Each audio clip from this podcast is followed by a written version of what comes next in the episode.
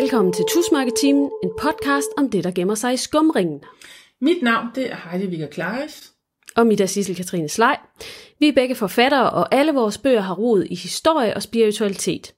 Tusmørketimen undersøger vi de væsener, der ifølge folkloren findes i Danmark.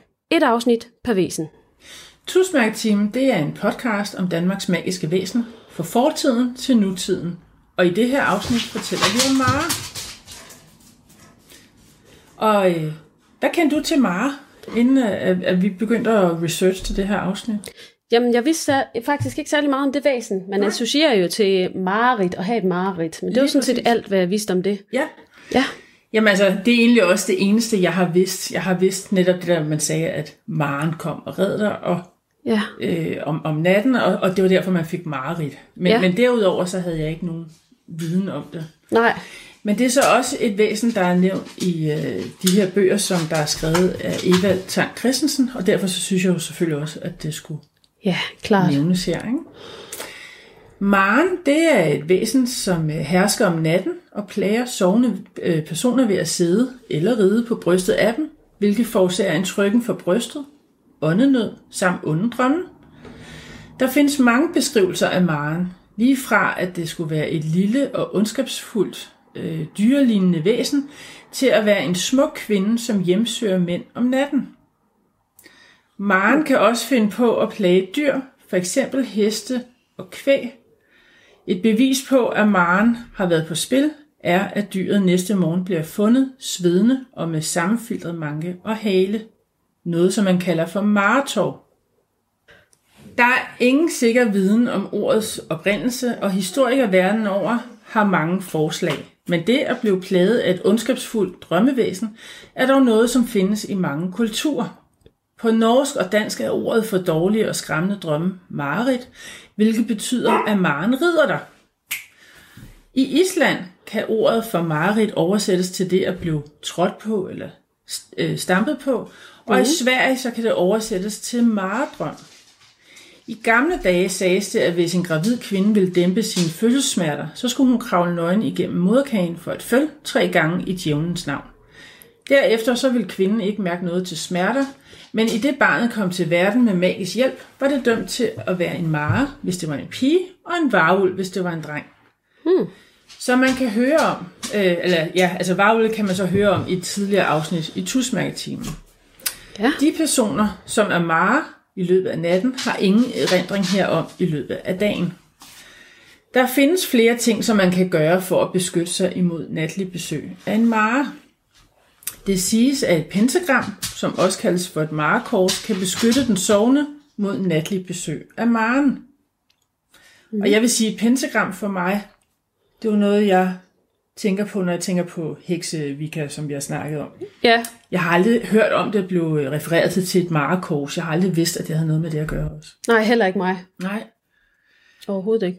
Tilbage til antikkens tid, så blev det her symbol, altså pentagrammet, også brugt til at ønske hinanden sundhed og lykke, mens det i løbet af middelalderen blev brugt til at holde onde ånder væk. Det kan jeg så måske til dels forstå, men det der med, med antikkens tid, det vidste jeg heller ikke. Nej. I nyere tid symboliserer pentagrammet for nogle Kristus og den guddommelige energi, mens det for andre symboliserer de fem elementer. Det er dog kun, hvis pentagrammet bliver vist med en tak op og to nedad. Vises symbolet med to takker op og en nedad, øh, står det for den hornede Gud, og det vil altså sige Satan. Mm.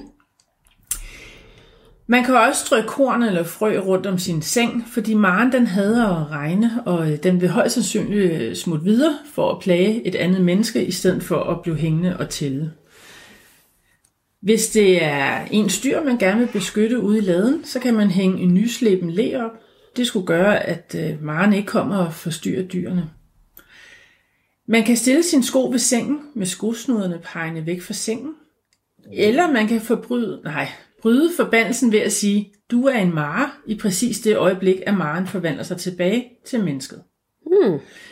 Der findes et savn, som fortæller om en ung mand, som led rigtig meget af mareridt. Han fik det råd at lukke alle sprækker og åbninger i det værelse, han sov i.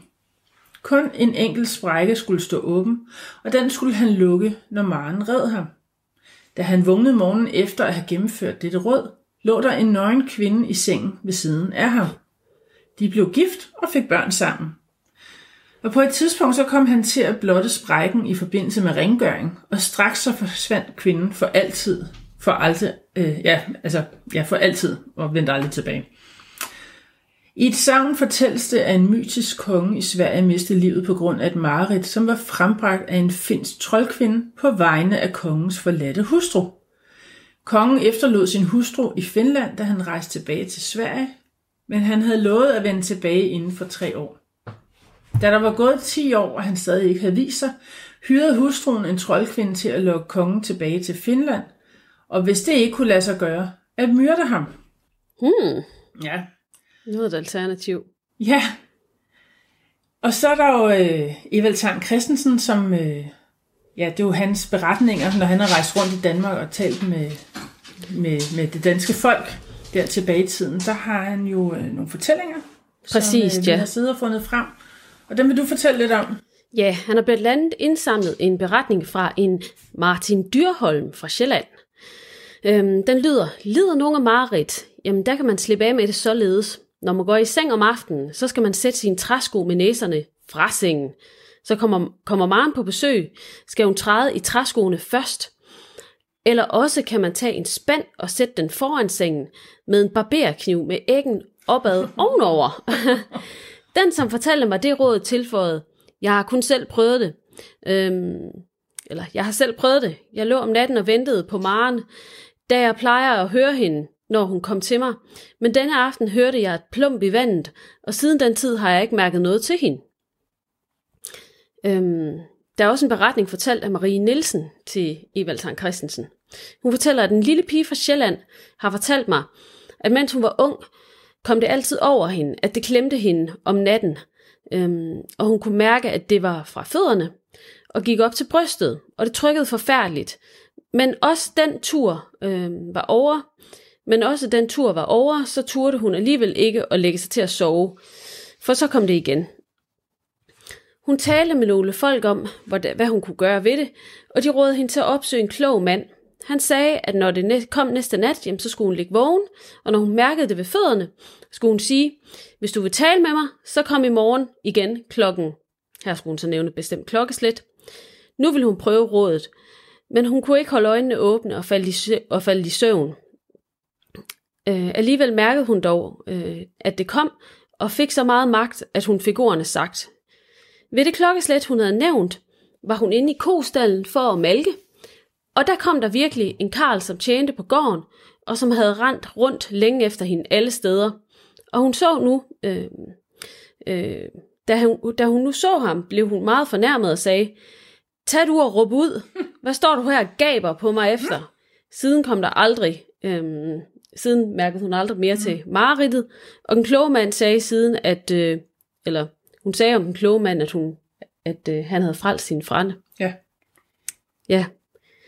Denne beretning, den er en af få historier, hvor Maren så ikke var en kvinde. Det plejer Ja. hun normalt at være. Ja, det gør hun nemlig. Altså, øh, det som vi har kunnet finde ellers, der har det altid været en kvinde, som har været nævnt. En pige, en kvinde, ung kvinde, et eller andet. Ja, Men det var en af de få historier. ja, Ja. meget interessant. Jeg kender ikke til, til noget litteratur eller film eller noget andet, som, øh, som fortæller om Maren. Nej, Så, så det er ligesom sådan et lidt anonymt væsen, kan man sige. Så det eneste, jeg egentlig kendte, var det der Marit, ja, hvor det stammede fra. Men, det er måske noget, du kunne skrive en historie om. Ja, det kan da godt være. Ja, jamen, vi får masser af inspiration, øh, når vi sidder og laver Præcis. research. Ja, Det gør vi nemlig. så det var et, øh, en kort fortælling om et meget anonymt væsen. Ja. Så øh, Vi håber, I fik noget ud af det, og vi håber, I vil se med igen næste gang.